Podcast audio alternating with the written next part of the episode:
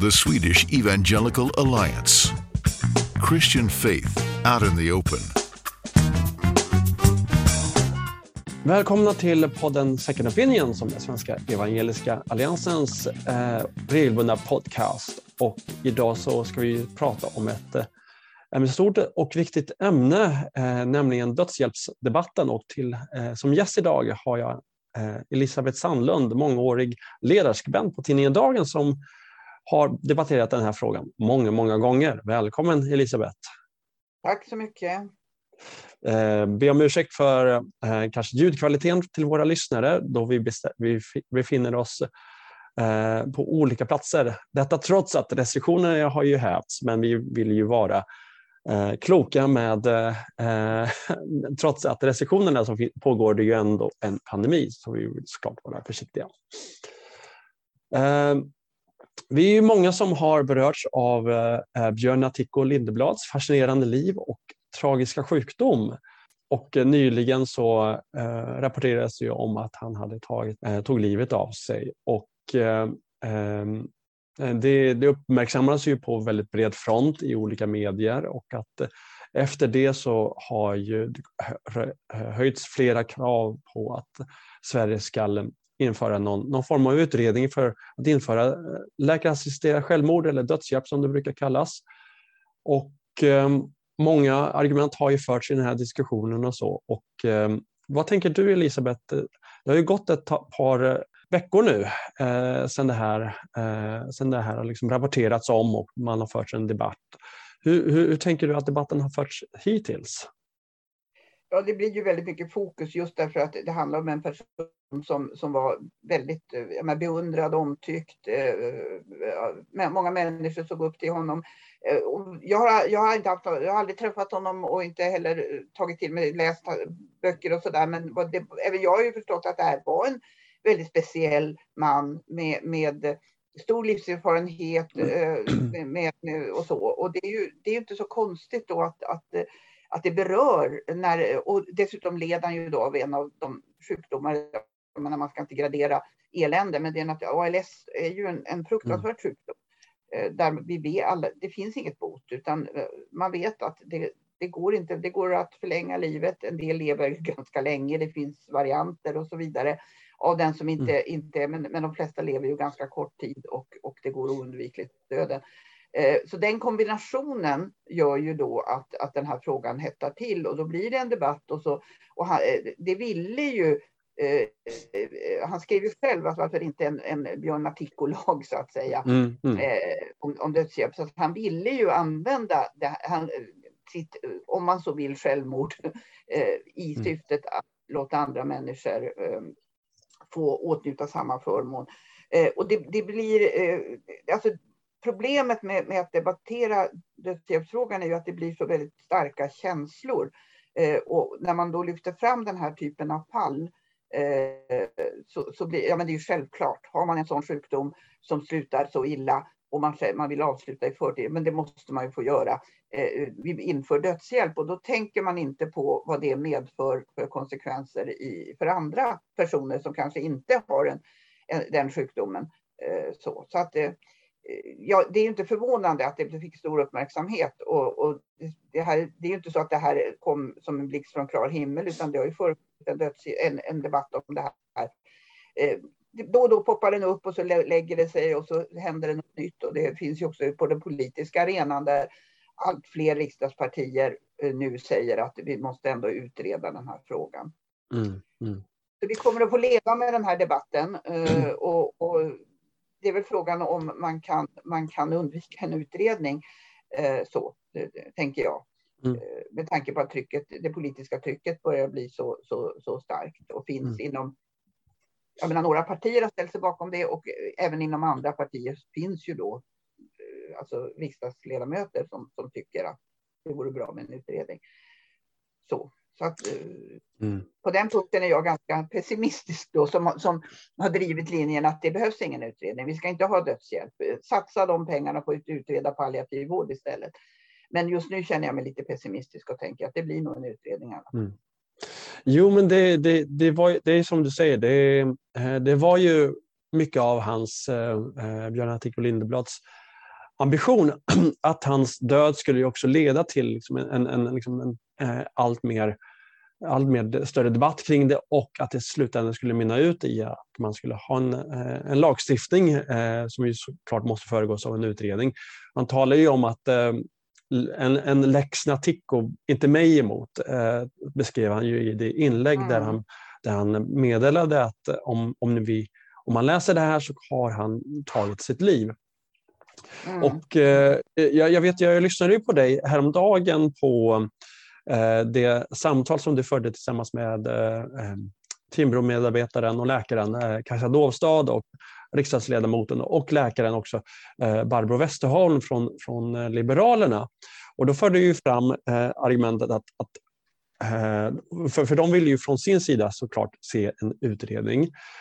Men då menar du ju såklart att, att en utredning beror ju hela tiden på vad finns för sorts slagsida. Vem är det som utför utredningen? Hur ser eh, underlaget ut? Hur, eh, vad är det för sorts ehm, eh, ehm, regler som, som utredaren måste förhålla sig till? Vilka direktiv? Och, ja, direktiven är ju, är ju centrala. Ja, direktiven är centrala. Och sen vet man ju inte såklart om, eh, kom, om nu eh, utredningen landar i en en negativ inställning eller om man inte ens tar med alla de, de konsekvenserna en dödshjälp, dödshjälpslag skulle medföra eh, kör, kör regeringen ändå över. För vi har ju exempel i vår närtid där, där regeringen har struntat i de varningssignaler eh, som en utredning kan, kan liksom uppmärksamma. Till exempel eh, den om konfessionella friskolor. Nu, för något år sedan när utredaren Lars Arén sa att det är svårt i att införa ett förbud eller, mot etablering av, av fris, eh, konfessionella friskolor på grund av Europakonventionen. Och detta sa ju skolministern eh, Anna Ekström på den tiden att det, det, kan vara lite trixigt men vi, vi kommer säkert klara det i alla fall. Och, eh, det är den, eh, den inställningen som, som man eh, numera börjar ha inför eh, statliga utredningar att det spelar egentligen ingen roll vad, vad eh, de säger, har man en, ideologisk motiv att, att genomföra en, en, en, lag och i det här fallet om det finns en stark politisk eh, push för att införa dödshjälp i, i Sverige eh, och eh, så, så, så, så, kanske man inte bryr sig om vilka konsekvenser som det medför. Nej. Nej, men så är det ju. Alltså, och, och, och visst, det, alltså direktiven är ju jätteviktiga naturligtvis. Är det en, ett beställningsarbete, eh, hitta, och sen eh, vem blir utredare? Nu, nu, nu sa ju Barbro Westerholm som ju då är en av dem som, som, som eh, driver den här frågan politiskt i riksdagen. Hon, hon kommer ju inte att finnas kvar i riksdagen efter valet för hon lämnar nu med ålderns rätt. Eh, så. Mm. Men, men hon, hon menar ju då att det här måste bli en, det får inte bli en enmansutredare som, som tittar på det. Det ska vara en bred parlamentarisk utredning. Den ska arbeta långsamt, den ska ha hearings, den ska ta in alla synpunkter. Alla intressenter, inklusive jag tror till och med hon nämnde kyrkan särskilt, ska ha rätt att, att komma med synpunkter. Eh, för det är enda sättet att få detta, eh, liksom en förankring i det. Eh, och det är klart, det låter ju bra på ett vis. Samtidigt mm. om det blir en förankring att ja, vi ska ändå införa dödshjälp så är det, ju, är det ju katastrofalt för oss som tycker att det är en dålig idé. Ja. Så. Och, och, det är ju också det, det, det är ju alltså, det argument som används är att ja, men det här kommer ju land efter land. Titta nu har Spanien också infört det. Vi kan inte, vi kan inte vara sämre än dem. Mm. Alltså, mm. det, det trycket är väldigt starkt. Så att, ja, det, och, och det, är också, det finns ju många frågor kring detta och en av frågorna handlar ju också om eh, vem, ska gör, vem ska göra det? Vem, mm. vem, vem ska man ålägga? Hur ska det gå till? Eh, och där, där, där tänker jag att de som förespråkar dödshjälp de har lite svårt att bestämma sig vilken fot de ska stå på. För en linje är ju då att jo, men det här mm. ska, alltså den som ska få dödshjälp ska ha en lång läkarkontakt. Eh, de, läkaren ska känna patienten väl och dessutom ska då en annan läkare också titta på fallet. Men det viktiga är att det finns den här långa alltså att det inte är någon som hör av sig och säger hjälp, hjälp mig att dö, utan det ska vara en person mm. läkaren känner. Det är det ena spåret. Det andra spåret är att ja, men vi kan ju inte tvinga någon läkare till detta, utan det måste vara, nu är det som Kajsa Dåstad för fram, är ju att det ska vara någon form av certifiering. Av ja, någon licens, eh, ja, som, licens. Som, som, läkare skulle ha. Ja, men, eh, men, men då blir det ju liksom, det, man kan inte ha det på båda sätten, för då blir det ändå dödshjälpsläkare. Jag menar mm. om, om jag har en husläkare som, som är, tyckte nej men jag utför inte dödshjälp. Eh, det mm. spelar ingen roll om du, vad du drabbas av. Då måste jag ju söka upp en annan läkare som inte känner mm. mig sedan mm. många år tillbaka, som då är villig att utföra det. Och då är vi ju där igen med, med någon form av, av, av dödskliniker som man mm. faktiskt har infört då i Holland till exempel. Mm. För de patienter vars egna läkare säger nej, så mm. finns det livsslutskliniker, eh, kallar de det. Eh, då, eh, där man, mm. som man kan vända sig till. Eh, mm. Och, och, det är ju också en, ja, det, det, det, alltså på något vis tänker jag att det, här hänger, resonemanget hänger inte ihop och det visar också hur svårt dilemmat är. För det, det, gjordes ju en, det har ju gjorts några undersökningar under årens lopp bland läkare hur de ställer sig och det gjordes ju en som kom för inte så länge sedan. Och då visade det sig ju att det är väldigt kluvet. Läkarkåren är oerhört kluven. Men det visar sig också att det är betydligt fler läkare som säger ja, jag tycker vi ska införa dödshjälp. Och så får de frågan, är du själv villig? Då blir svaret mm. nej. Mm. Mm. Eh, så att det, på något vis, för mig belyser ju det hur svårt det här är. Jo, men bara inte jag mm. behöver göra det. Mm. Jag vill inte vara del i det, men det be behöver finnas. Um, det är inte riktigt hållbart i längden heller. Nej, och det, det, det, det, finns ju också den problematiken som jag vet man lyfts upp i delstaten Oregon som ju har en, eh, en form, alltså den här Oregon-modellen som, som eh, oftast brukar förekomma i debatten om att det skulle kunna vara en, en lämplig eh, modell för, för Sverige. Mm. Att man där har problemet med så kallad doctor shopping. Att mm. man går från läkare till läkare. Om inte den, min husläkare, som du säger, är villig att utföra läkarassisterat självmord, så går jag till nästa läkare. Om inte den läkaren så, så går jag till nästa läkare tills liksom jag mm. hittar, hittar en lämplig som kanske inte har full koll på eh, dina bevekelsegrunder. Hur ska man tänka kring läkarkåren? Ja, eh, ja. Alltså det, och, och det är klart att om man då tänker sig någon form av licens, mm, då, mm. då tvingar man ju ingen. Eh, mm. Men frågan är, jag tror inte det är hållbart och då hamnar mm. vi i läget att nej, men det här ingår i läkarrollen. Mm, mm. Eh, då kommer vi att få, då, då, då, skulle den enda positiva effekten uppträda, nämligen att vi ja. skulle få samvetsfrihet. För då skulle läkarkåren ja. säga det går inte, vi måste kunna säga nej. Och då kommer också andra eh, vårdgivare, till exempel mm. barnmorskor, att kunna säga, mm. ja men varför får läkarna säga nej? Vi får mm. inte säga mm. nej i den mm. andra änden av livet då med aborter. Och mm. där säger ju då, då Kajsa Rådstad till exempel att ja men det är så det är så väldigt få, det skulle bli så väldigt få fall med dödshjälp, mm. så det är liksom inget problem om några läkare skulle säga nej. Men däremot mm. för aborter gör vi ju så många, så därför måste, och det, det är också ett väldigt konstigt resonemang mm. kan jag mm. tycka. Men, men, eh, ja, resonemanget med att det, att, det, att det skulle vara, man vet ju inte om det är jättemånga läkare som, som skulle kunna kräva eh, samvetsfrihet när det gäller eh, aborter. Eh, man har inte gjort någon undersökning där. Man, man, är på tal om liksom att göra en, en bred parlamentarisk utredning. Man har, inte, man har inte utrett frågan om hur samvetsfriheten skulle kunna tillämpas i Sverige med eh, vilka läkare som, som skulle vara villiga att genomföra aborter och vilka som, som helst skulle vilja slippa. Eh, mm. Så Alltså den, den här dödshjälp, eller, eller samvetsfrihetsfrågan i relation både till aborter men också till dödshjälp är ju inte, är ju inte helt helt undersökt. Men det som jag tycker är rätt så intressant i, i eh, kan ju återkomma till några av de här argumenten kring eh, som förs fram om, om eh, från, från den sidan som, som vill gärna ha en dödshjälpslag i Sverige. Men jag märker av, av att den, några av de här argument, andra argument som brukar föras fram, det är att du, du, nämnde ju att det här är en lag som redan finns i, i många olika länder. Spanien har redan haft det. Och det är ungefär som att det finns en premiss där att bara för att det är så många länder som har infört dödshjälp så måste Sverige bara per automatik eh, falla in i ledet. Eh, det är ungefär samma, samma sorts argument där ehm, eh, jag läste en, en ledare i Dagens Nyheter av Emma Huen, eh, Huen Bustos där hon, hon beskrev att, att flera partier har beröringsskräck, politiker vet knappt eller saknar förståelse för frågan. Eh, och det är lite grann att man, man, man förringar det, den, den de invändningar som faktiskt finns, om man säger liksom, ah, ni är inte tillräckligt rationella, ni är inte tillräckligt moderna. Sverige måste såklart ligga i framkant i allting. Varför ligger vi inte i framkant i den här Eh, det är som ett typiskt svenskt argument. Vi ska vara det modernaste landet. Vi ska vara det mest progressiva landet ja. i världen. Och det, det, där är ju också, det finns ju risker med det. För att, eh, alltså, dels, det finns ju olika spår om man, om man tänker hur de som mm. förespråkar dödshjälp argumenterar. Det första spåret är att det är överhuvudtaget ingen fara. Det mm. kommer inte att missbrukas, det missbrukas ingenstans. Och mm. det argumentet har, är svårt att upprätthålla när man ser vad som har hänt i de länder som var först. Mm. alltså Beneluxländerna, Nederländerna, där det har utökats indikationer hela tiden. Eh, och det, det, blir väldigt svårt även för den mest envetna dödshjälpsförespråkare att säga att det är ingen risk för ett sluttande plan.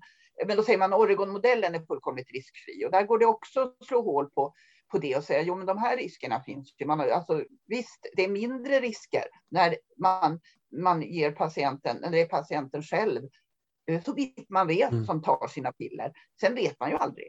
För det är ingen mm. närvarande i det ögonblicket. Är det en anhörig som säger, mm. håller fram dem och säger nu är det dags, eller till och med lurar i någon som man har tröttnat på att vårda, det vet du ingenting om. Det kanske inte förekommer, men risken finns där och så vidare. Mm. Och, och då kommer liksom nästa argument att jo, men det, visst, det kan ju finnas risker. Men vi ska lära av andras misstag och i Sverige kommer vi att kunna skapa det vattentäta systemet. Och det tror inte jag på. Och jag tror att det, tvärtom att det är absolut större risker i Sverige än på många andra håll. Mm. Att, att, det, att man mycket snabbt skulle hamna på ett, på ett slutande plan där, om man nu införde Oregon-modellen som ju bygger mm. på att den som vill dö själv kan ta, mm. ta till sig det ämnet, vare sig det är i pillerform eller om det är en dryck eller vad det är. Man måste kunna lyfta armen till munnen så att säga. Mm. Vilket ju eh, Björn Attico eh, kunde eh, fortfarande. Så, så att, men, men, och därmed var det ett självmord. Det var ingen som, som hällde i honom det. Så att säga. Och det, ja. Men även om man, om man får en sån lösning mm. i Sverige, vilket är sannolikt att det skulle bli, då tror jag att det skulle inte ta länge innan man säger, men det här är ju inte rätt rättvist. Mm. Det är ju inte rättvist mot den som är totalförlamad. Han, han eller hon måste ju också få hjälp om han eller hon vill dö. Och så skulle mm. nästa steg bli, och det är ju inte rättvist mot de här nej, personerna nej. som har den och den eh, funktionsnedsättningen på grund av hög ålder, demens eller medfött som inte själva kan ta ställning. Men där vi som vet mycket bättre inser att det här livet är ju inte värt att leva. Eh, så vi måste ju också kunna hjälpa dem att få, få sluta sina liv. det är inte rättvist att man måste måste vara fullt kapabel, eh, alla sina sinnen i full gång. Eh, vad gör vi med alla de andra då? De har ju också, ska inte heller behöva lida. Och så är, man, är det igång. Och den risken tror jag faktiskt är större i Sverige mm, mm. än i andra länder. Därför att vi har för oss att eh, vi kan sätta oss i varandras eh, ställe på något vis och mm, mm bedöma. Mm, är det här livet värt att leva eller är det inte? Och det har vi ju sett. Så jag har ju själv då, mm. som jag också har berättat om, sådana erfarenheter där, där, där min med intellektuell funktionsnedsättning när hennes, hennes rätt att få behandling på en, en dödlig sjukdom ifrågasätts. Eh, mm. Det kan vara bättre i sådana fall att låta naturen ha sin gång. Nu, nu blev det ju inte så, hon är mm. fullt frisk, men det var snu, alltså hade jag varit en invandrarkvinna mm. eh, eller mm. haft överdriven respekt för vita rockare eller något annat, då hade min dotter inte levt idag. För då nej, hade jag trott nej. på den läkaren och sagt att ja, men om, om doktorn säger att det är bättre för henne, då, då, då, då tror ju jag på det. Nu gjorde ju inte jag det mm. och det gick väl. Men, men, men det visar hur snubblande nära det ligger, äh, tänker jag. Ja, ja men jag, jag, du, du berättade den, den äh, det, om den situationen i den här podden som, som heter Hur kan vi? Du behöver inte berätta hela den berättelsen, men det var väldigt anmärkningsvärt att, att en läkare går in, går in och säger, ska det verkligen vara värt att, är det verkligen värt att, att ge din dotter den här behandlingen? För du vet att det kommer det kommer orsaka väldigt mycket smärta, det tar väldigt mycket tid och allting sånt. Jag vill tro att det var i bästa välmening, att det här blir mm. väldigt jobbigt och, och så. Mm. Men, men det, det, var ju också så att här var ju inte ens diagnosen ställd än, när, när den här frågan ställdes. Mm. Alltså innan vi ens riktigt vet vad, vad är det för sjukdom och vad finns det för behandlingsmöjligheter, så, så ska vi överhuvudtaget ta reda på vad det är hon lider av. Ska vi mm. upp direkt? Eh, vi döpte den här läkaren till de ska vi bry oss alls. men, men, men, eh, men eh, det mm. blev ju inte så. Men det för mig är det visa. Mm. Och sen finns det ju andra exempel. Det var, och det här vore det enda exemplet. Men det finns, jag läste bara för några dagar sedan någon som skrev ett Instagram-inlägg och berättade om ett liknande fall. Där var det ett mm. litet barn med grav, grav funktionsnedsättning av framförallt tror jag fysisk natur som, som fick någon, om det var lunginflammation eller så, och där mm. läkarna säger att eh, vi sätter inte in behandling utan, utan nu får naturen ha sin gång. Och föräldrarna fick kämpa för att eh, rätt, barnets rätt mm. att överleva. Mm. Eh, ibland kan det ju vara relevant. Ibland är det mm. ju faktiskt så att det är hopplöst eh, och då mm. ska man ha ett brytpunktssamtal och så vidare. Men man kan ju inte ha som i vårt fall då ett brytpunktssamtal innan man ens har diagnosen. Det, det, det är inte så det är tänkt. Mm. Men för mig är det här ett exempel en mentalitet i Sverige att vi, vi tar oss före att bedöma andra människors eh, livsvärde så att mm, säga. Mm, alltså, mm jag skulle inte vilja leva det livet. Då vill nog inte den här personen det heller. Och då mm. är nästa steg att då måste ju också en sån person ha rätt till det som mm. alla andra mm. som mm. själva kan bedöma. Eh. Och sen är ju det nästa fråga då. Kan man själv bedöma eh, eh, om, man, om livet är värt att fortsätta att leva eller inte? Jag var med mm. när sjukhuskyrkan hade sina fortbildningsdagar för ett tag sedan. Mm. Eh, och där medverkade också palliativläkare och så då, som kan jobba med patienter i, i, i livets slutskede. Eh, och, och, där eh, med, med, och säga att det är så oerhört vanligt med de patienter som, som ligger på en på hospice till exempel. Att mm. ena mm. minuten så vill man inget annat än att dö. Mm. Och nästa timme så säger man nej men jag vill ju fortsätta att leva, jag vill ju mm, fortsätta mm. Alltså, så länge det går. Alltså det mm. svajar, det svänger, även i, mm. livets absoluta slutskede mm. så svänger det från timme till timme. Uh, och ännu mer är det ju så om man så att säga i förväg bestämmer sig för att om jag om jag blir, när jag inte längre kan, kan klara mig själv, när jag måste ta emot hjälp av andra, då vill jag inte leva längre. Uh, man har ingen aning om hur, hur det blir i den situationen när man verkligen är där. Nej, men precis. Det, mycket av saker kan ju svänga liksom, när man ligger i, i det absoluta slutskedet. Då, då är det ju som du säger liksom ett, ett, ett, eh, ett starkare argument att utreda den, den palliativa vården. Eh, för, och jag tror ju att det, det, är så, det är så få reportage om den palliativa vården i jämförelse med alla de fall där eh, människor har argumenterat för liksom, eller ömmat för eller, eller eh, utfört liksom, eh, eh dödshjälp. Eh, för det är, liksom, det är det som är det, det, är det som stand out, det är liksom det som är det udda i, i, i Sverige och det som är, liksom, skapar diskussion och debatt såklart. Men, men jag tror också att det här, den här frågan om, du var inne på det lite tidigare, om just, om just patientsäkerheten när det gäller eh, Eh, läkarassisterade självmord och utifrån eh, exempel i Oregon-modellen där man vet inte, man, får ett piller, man vet inte när eller hur eller om personen kommer kunna göra, eh, liksom, ta det här medlet och avsluta sitt liv på det sättet. För ett tag sedan så tittade jag på Oregons egna delstatsrapport om just, från hälso och sjukvården. Och där var det ett, flertal fall, ehm, nu har den framför mig faktiskt, flertal fall där eh, både vid eh, tillfället då, då, då medlet eh, tas, liksom, inmundigas och vid dödstillfälle så var det ing, varken no, någon ehm, läkare eller, eller tillhandahållare eller volontär närvarande. 119 fall där uh, det inte fanns någon, någon uh, no provider or volunteer, alltså någon, varken någon, Nej, ingen någon som. Till, inte utom, ingen utomstående.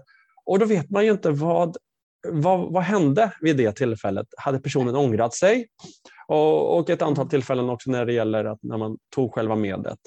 Eh, det, det, det väcker stora frågor om, om just patientsäkerheten. Som, eh, det, blir, det blir lite grann att man, eh, om, man inte, eh, om inte läkaren vill tillhandahålla så, så gör jag det själv. Mm, mm. Eh, så det, det, det, skapar ju väldigt många frågetecken hur vi i Sverige ser på just den här modellen. Men, men också som du säger i, i, i förlängningen när det gäller eh, vad är ett liv värt att leva? I, I samma rapport så är det ju flera av de skälen som där, där människor an, de, liksom, de skäl som människor anger när de vill ha eh, läkarassisterat självmord, då är det liksom att man förlorar sin autonomi, man förlorar sin värdighet och den, den främsta anledningen är att man man, eh, man förlorar möjligheten att delta i aktiviteter som gör livet eh, njutbart eller, eller underhållande. Och det handlar ju inte om, om, det handlar inte om, om smär, fysisk smärta eller lidande. Utan Nej, det, det, är ju ofta det. Och just detta med att jag, jag vill inte bli beroende av andra. Och det tänker mm. jag också är så. Det, det, finns naturligtvis i Oregon och de andra mm. delstaterna i USA. Men det finns så väldigt starkt i Sverige att vi är självständiga individer. Och den mm. dagen man, jag blir beroende av andra, då är ett liv värt något. Och då är ju sanningen den att vi är alltid beroende av andra. Och i vissa mm. tider, skeden av, livet, skeden av livet, när vi är väldigt små till exempel, eller när vi blir väldigt gamla eller väldigt sjuka så är vi ännu mer beroende av andra. Men det är inte mm. så att vi under andra tider av livet är beroende av ett samspel med andra människor. Eh, det, det är liksom, det, det, och, som kristen så, så blir det ju absurt att säga att, att det, främsta målet i livet är att vara oberoende mm. eh, av alla men, med, mina medmänniskor men också av Gud i förlängningen. Då. Utan mm. jag är den självständiga individen, jag klarar allt på egen hand och jag behöver ingenting av detta. Eh, jag har själv varit där som, som ateist under ett antal decennier så jag, jag vet vad jag pratar om. Och det är ju falskt, det är, det är, det, det, men det är väldigt svenskt också. Mm. Eh, att, att, att på något vis eh, ehm, värdera självständigheten så oerhört högt så att man sätter det före allt annat. Uh, och, och, det är ju väldigt, och det är ju inte den bevekelsegrunden som förs fram i debatten och det är det här som kan reta mig, eller mm. när dödshjälpsförespråkarna lyfter fram ALS-patienter i slutskedet som de som det handlar om. Den mm. gruppen är väldigt liten. Dessutom läste jag bara här, för, och det var efter det att jag medverkade i den, här, den andra podden där då, eh, en, en läkare med stor, alltså en läkare som vårdar ALS-patienter. Mm. Som sa att det, det, blir väldigt konstigt, alltså man framställer det som att får man ALS så, så dör man, vilket man gör. Eh, och det blir oerhört plågsamt mot slutet för man kvävs till döds. Och då känner ju, folk tänker ju då på någon slags fysisk kvävning. Mm, eh, men mm. i själva verket så dör de allra flesta ALS-patienter som, som lever sitt liv på ett, till slutet.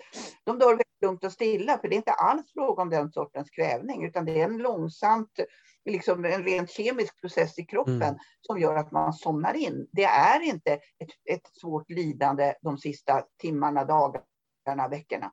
Eh, men mm. det framställs som att det är det oundvikliga slutet med denna liksom, dödskamp. Och det är klart att man måste avbryta den. Mm. Eh, och det blir ju också en falsk, eh, alltså en falsk marknadsföring mm. om man så vill. Så att det, det, på det viset kan jag tycka att, att det, är olyckligt när, när, när, men, när man, man fokuserar, och det här är ju andra fallet då inom loppet av, vad blir det, ett och ett halvt år, snart två år, som just en, en ALS-patient sent på, på, i, i bräschen. Mm. Det var, första fallet var ju eh, på sommaren 2020 då när, när, när eh, läkare... Staffan Bergström som, som ju ja. såklart är aktiv eh, debattör i, i frågan ja, som, som utförde det. Också, och där vet jag att jag pratade med en, en god vän som, som är palliativläkare om just det fallet och han var så upprörd för, för när han hade läst idén om det. För han sa att den här, den här mannen som, som då fick dö där var ju inte vårdens, vårdens möjligheter att ge honom ett bra liv till slutet var ju inte uttömda.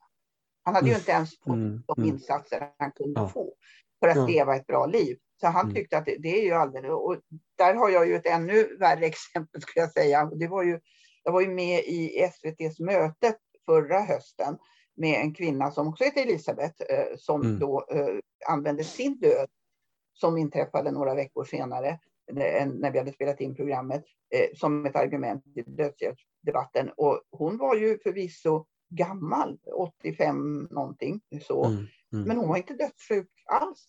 Hon var, såg dåligt och hörde dåligt och tyckte inte livet var värt att leva längre. Och hade lyckats med de premisserna bli antagen då på den här kliniken Dignitas i Schweiz som medlem, för det är så det går till där. Och där tog, fick hon också sluta sitt liv hon var inte, alltså hon är så långt ifrån eh, en, en ALS-patient i slutskedet som man mm. kan komma. Hon levde mm. De flesta människor skulle avunda sig hennes mm. liv i södra mm. Frankrike. ja, så. Men hon ja. tyckte inte det var kul längre. Eh, och, så. och jag, mm. jag var väldigt tveksam till att ställa upp i den eh, diskussionen just därför att det är så svårt att debattera när lära möter liv. Mm. Jag kommer med mina teoretiska synpunkter, hon kommer med själv sitt liv. Men, men rent cyniskt så tänkte jag att det här, är, det här, är det, det här skadar dödshjälpsförespråkarna. Att en sån ja. person blir liksom förespråkare för någonting som de hävdar gäller en helt annan patientgrupp. Eh, så att, eh, jag vet inte om det funkade så, men, men det var i alla fall ett av skälen att jag mm. ställde upp mm. då. då. Men, men, men det får jag inte övertala henne. Jag tänker ju att mycket av det här eh, samtalet som, som ju pågår om, om att, som du nämner, att man man, man, man, man får bilden av eh, att det handlar om ALS-patienter och eh, vilket en grupp som, som i sig är väldigt få i, i, i, i svensk statistik, men också att de flesta inte kvävs eh, lidande på så sätt, liksom att det är en långsam mm. kemisk process istället. Att vi är väldigt dåliga på att, att i Sverige i synnerhet, att prata om döden. Du var lite grann inne i det, på det på den här podden om och att det beror bland annat på liksom sekulariseringen. Vi, vi eh, vill såklart fokusera på det, liksom, på det unga, på det starka, på det friska och eh, vi vill inte vara beroende av andra. Och, eh, om det är något, eh, någon, någon, någon, situation i livet som är som mest beroende av människor. Jag är ju själv, jag är själv pappa till, till två små barn. Jag vet att de är oerhört beroende av, eh, av mig och min fru. Eh, men också när man, när man ligger i livets slutskede, då är man oerhört beroende av andra människor. Och vi, mm. Många gånger så har ju familjerna lämnat, lämnat vården av, eh, av människor i, i, på sin ålders höst liksom i, i stat, liksom har subventionerat ut det till staten så att säga. Mm. Så att vi inte, vi inte behöver hålla dem nära oss. Så på det sättet så försvinner ju bilden. Vi, jag ser att många människor brukar lägga upp Instagrambilder på sina småsöta barn. Eh, men man, man, man, man skyltar sällan med att Nej, men nu umgås jag med min eh, mamma eller min mormor som eh, ligger vid det här hospicet. Mm, mm. För att det är, för många tror jag att det liksom är en väldigt, väldigt privat och personlig skeende i livet. Mm. Men eh, det, det, det, är sällan som det som, som man, man, om, vi pratar ju om, liksom, eutanasi pratar, mer, betyder ju den, den goda döden. Eh, mm. och eh, att människor inte pratar om, pratar mer om just att min, min anhörige fick lämna det här jordelivet på ett väldigt gott sätt och det innebar inte dödshjälp. Nej, precis. Och det är de berättelserna som behöver komma fram. Och det, det är klart att det finns eh, palliativläkare som berättar om det, om sådana mm. fall. Eh, men man, skulle, man kan ju inte fråga den personen som, som fick dö på ett bra sätt själv. Det, det är svårt. Men däremot att om, man skulle önska att anhöriga klev fram i den här debatten mm. och sa att det är inte så svartvitt. Min, vad det nu kan vara för någonting. Min, min mamma mm hade också ALS eller någonting sånt. Eh, och, och det blev faktiskt inte, det var, vi trodde ju att det skulle bli fruktansvärt svårt, men hon fick så bra vård och hon fick sån omvårdnad och hon fick komma, hon, de var så professionella och det, det, blev faktiskt väldigt bra. Hon fick leva in i det sista. Den typen av berättelser mm. skulle man vilja ha som motgift till, till, till eh, de här berättelserna. Det finns bara en väg och det är det själv. Det var ju ett, jag säger nu självvalt livsslut. Det, Smer försökte ju ett tag, Statens medicinsk-etiska ja, råd försökte det, självvalt livsslut, men, men det, det har de ju lagt av med då eh, efter eh, hård kritik, inte minst i tidningen Dagen. Ja, ja, ja jag tror som att det var ett, eh, var ett Almedalsseminarium som de meddelade att, att de har slutat Ja, jag det. tror att det var så. Ja, precis. Men därför de insåg själva att, att det, man ska inte, det, det, blir nästan larvigt. Det blir kal, det blir eh, vad heter det, förnyelseyta istället för kalhygge. Mm. Alltså, mm. Det är på mm. den nivån. Eh, men, men alltså, man, skulle vilja, man skulle vilja få de berättelserna också eh, så att det inte blir så svartvitt. Därför att det är mm. så väldigt enkelt att ryckas med i starka känslor. En fin, särskilt som i, fallet med Björn Attico här. Att, mm. att en, en, fin människa, en, en tänkande människa som har betytt tror jag, väldigt mycket för många genom att han mm. har gått, alltså hans andlighet, även om den inte var en kristen andlighet, mm. så, så var det ändå eh, det värde han satte på, på andligheten jämfört med att tjäna massa pengar i näringslivet. Det tror jag ändå har skakat om en del personer och fått andra att tänka efter. Han har betytt en hel del. Och då ja, är det men, så enkelt att tänka att ja, men det är klart, om han, han har rätt i så mycket, det är klart att han har rätt i det här också.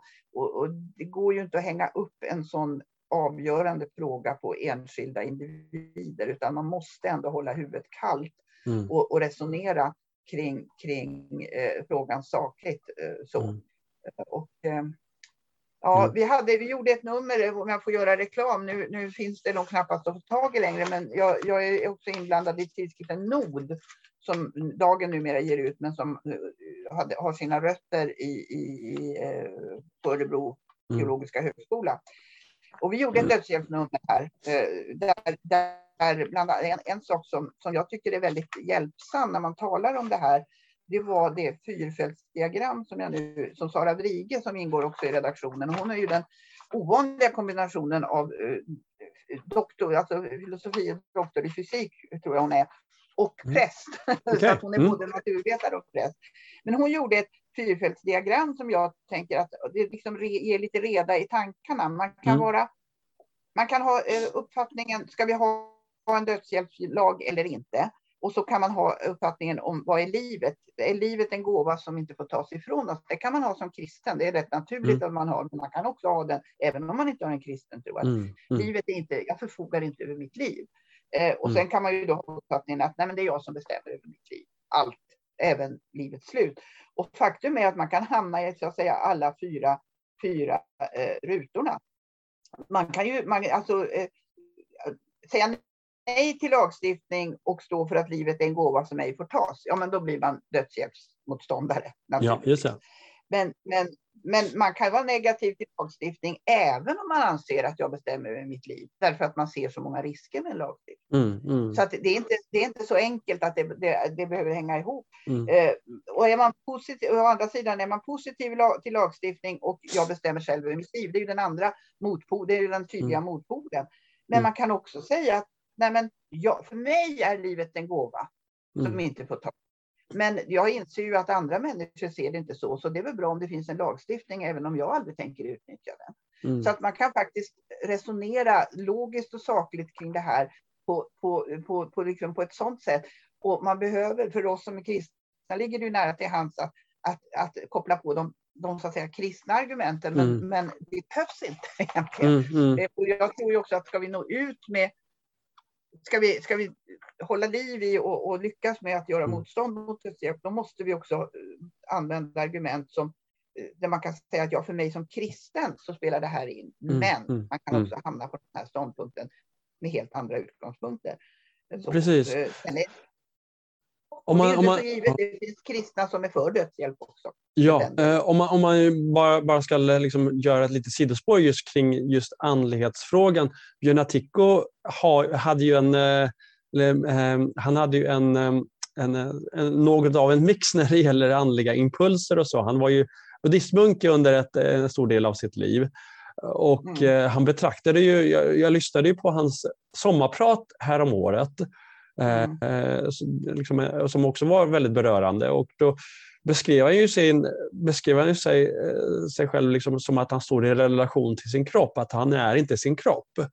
Utan han, och, och, utan han, han liksom riktade väldigt mycket av sin tack, när han liksom skulle tacka olika personer så tackade han liksom i synnerhet sin, sin egen mänskliga kropp.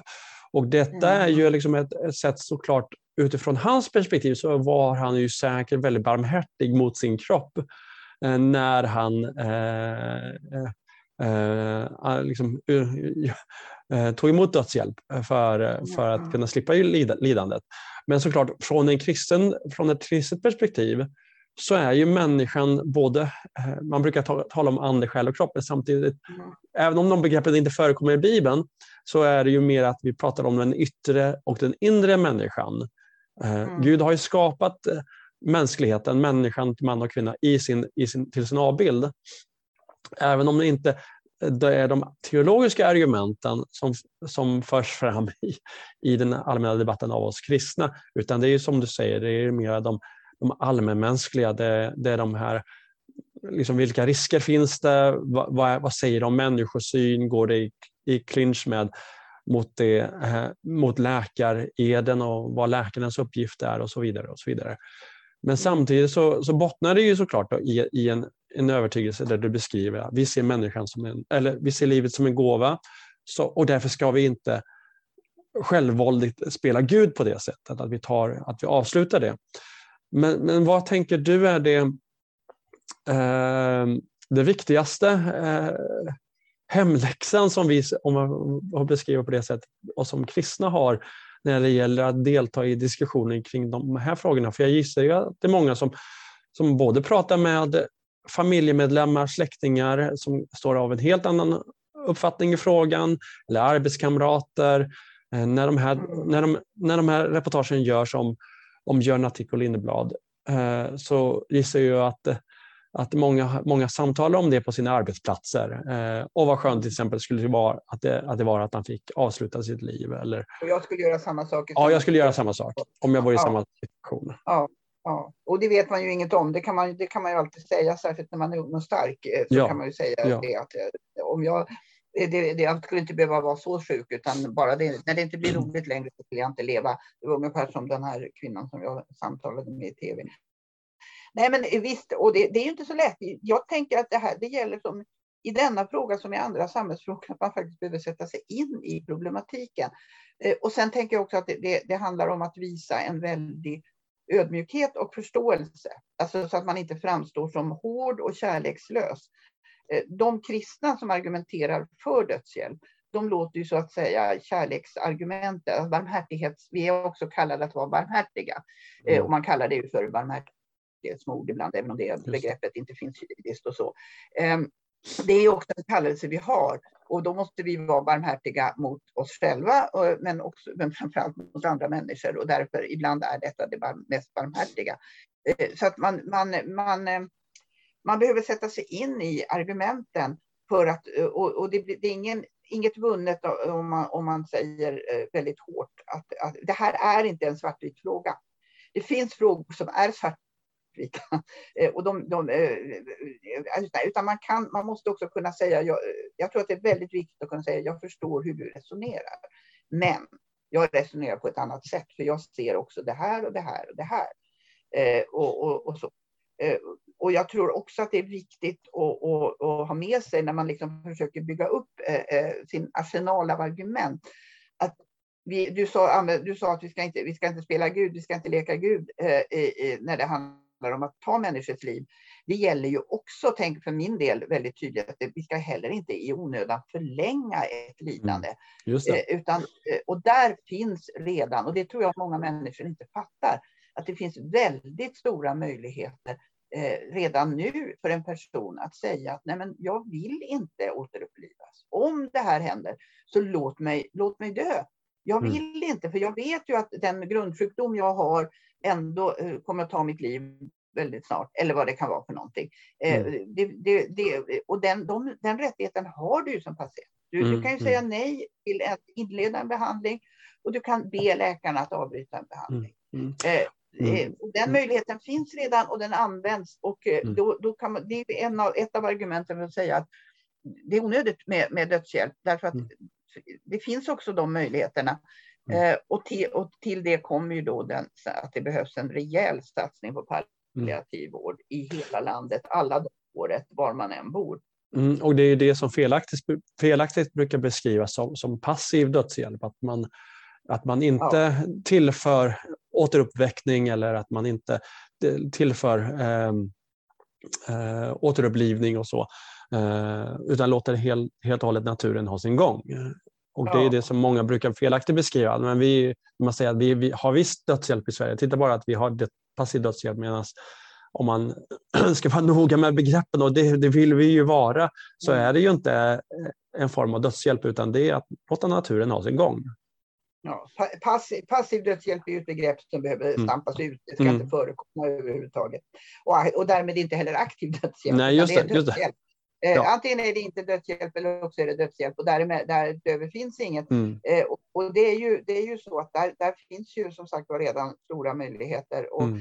och, och, och, och, för, och det är också samma sak, man talar ibland om, om förut talade man om terminal sedering.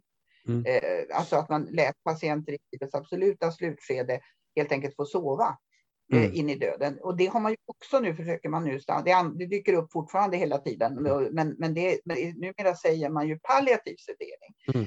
Eh, för att det, sanningen är ju att det är inte alltid man, dör, man sövs ner för att dö, utan man kanske sövs ner för att kroppen ska få vila ett tag. Och sen kanske man orkar finnas med ytterligare några dagar, hinna träffa den där släktingen som kunde handbita eller vad det nu kan vara för någonting som kan vara viktigt också för de anhöriga. Mm. Så det, det, är viktigt. Alltså jag tänker begreppsapparaten här är jätteviktig så att man inte mm. går i den fällan och säger just som du säger att ja, men vi har ju redan dödshjälp, att den är ju passiv. Nej, men det är mm. inte dödshjälp. Det är inte mm. handlingar i syfte att döden ska inträda. Mm. Sen mm. kan det leda till att döden inträder. Till exempel att man eh, andningen påverkas av att man får, får mycket morfin och så mm. vidare. Eh, men det var inte syftet när morfinet gavs. Eh, det är den stora skillnaden och det är den som läkarna är väldigt noga med. Mm. Eh, därför att det är fullt tillåtet. Läkaren kan veta att det här riskerar att påskynda döden. Men för patientens bästa så är det ändå en åtgärd som vi vidtar och så, så kan det gå si eller så. Det, men det är syftet som är det viktiga. Mm, mm. Den här typen av distinktioner tror jag är viktiga att man, man ja, helt enkelt skaffar sig kunskap om och läser på. Det finns ju mm. mycket skrivet om, om det här numera. Eh, jag menar, mm. vi kan, man kan googla ganska mycket eh, på detta och hitta. Eh, sen, sen tycker, tänk, tycker och tänker folk olika även i läkarkåren. Och mm. Läkarförbundet som är den fackliga organisationen och Läkarsällskapet som är mer den om man säger, ideologiska. De är inte helt överens om hur man ska, de ska nu försöka samla sig och komma fram till en gemensam ståndpunkt. Mm. Därför det blir lite konstigt många läkare, de flesta är ju med i båda, så det ja. blir lite mm. konstigt. Eh, eh, så. Och det visar ju hur svårt det här är. Så det är ingen lätt fråga och det tror jag också att vad, som kristen, som människa, när man hamnar i den här debatten, ska man våga erkänna att det här är ingen lätt fråga. För det rör nej, nej. det djupaste, längst inne i människan. Eh, viljan ändå att leva, men också viljan att undvika e plågor eh, och, mm. sånt för egen del, men också för andra. Alltså mm. det, finns det, här, det finns ett medlidande med andra människor i botten eh, mm. här. Eh, mm. Och det måste man våga erkänna. Att det inte är onda avsikter, men det är bara det att de bästa avsikterna kan få de värsta konsekvenserna. Ja, men det är helt, helt korrekt. Vi ska, eh, vi ska avsluta det här samtalet. Eh, vi har hållit på ett tag och det finns så, såklart mycket mer att, att eh, gräva djupare i när det gäller hela den här diskussionen och vi, lär ju inte, vi har ju inte sett slutet av den ännu, utan eh, det lär återkomma vid, fler tillfällen. Är det någonting sist, eh, slutord som, som du skulle vilja skicka med oss innan vi avslutar, Elisabeth? Nej, men det, jag tycker vi har sagt det mesta redan. Nej, men, viktig fråga, behöver diskuteras, mm. måste samtalas om på ett, ett, ett sätt som inte bygger murar. Eh, mm. Det, men, men sakligt men ändå kärleksfullt. Jag tror att det är mm. få frågor där de, den kombinationen är så viktig. Eh, och om inte de som förespråkar dödshjälp eh, orkar med att hålla uppe det utan blir hårdföra så behöver vi, där behöver vi visa att vi är bättre, vi som mm. Inte, mm. inte vill ha dödshjälp. Eh, och inte puckla på. Nej. Var skarpa i sak men också kärleksfulla mm. i det vi säger. För det här är ju mänskligt det rör, det rör någonting djup, på djupet hos varje människa. Precis. Eh, och inte minst för oss kristna när vi ser varje människa som är, är ju skapad till Guds avbild så är det vår, vår uppgift, vår kallelse att just behandla människor utifrån det, detta, inte utifrån deras åsikter utan utifrån vem, eh, vilka de är. Då, tack så jättemycket Elisabeth för, för att du var med. Tack för att jag fick vara med. Viktig fråga. Välkommen till podden Second Opinion.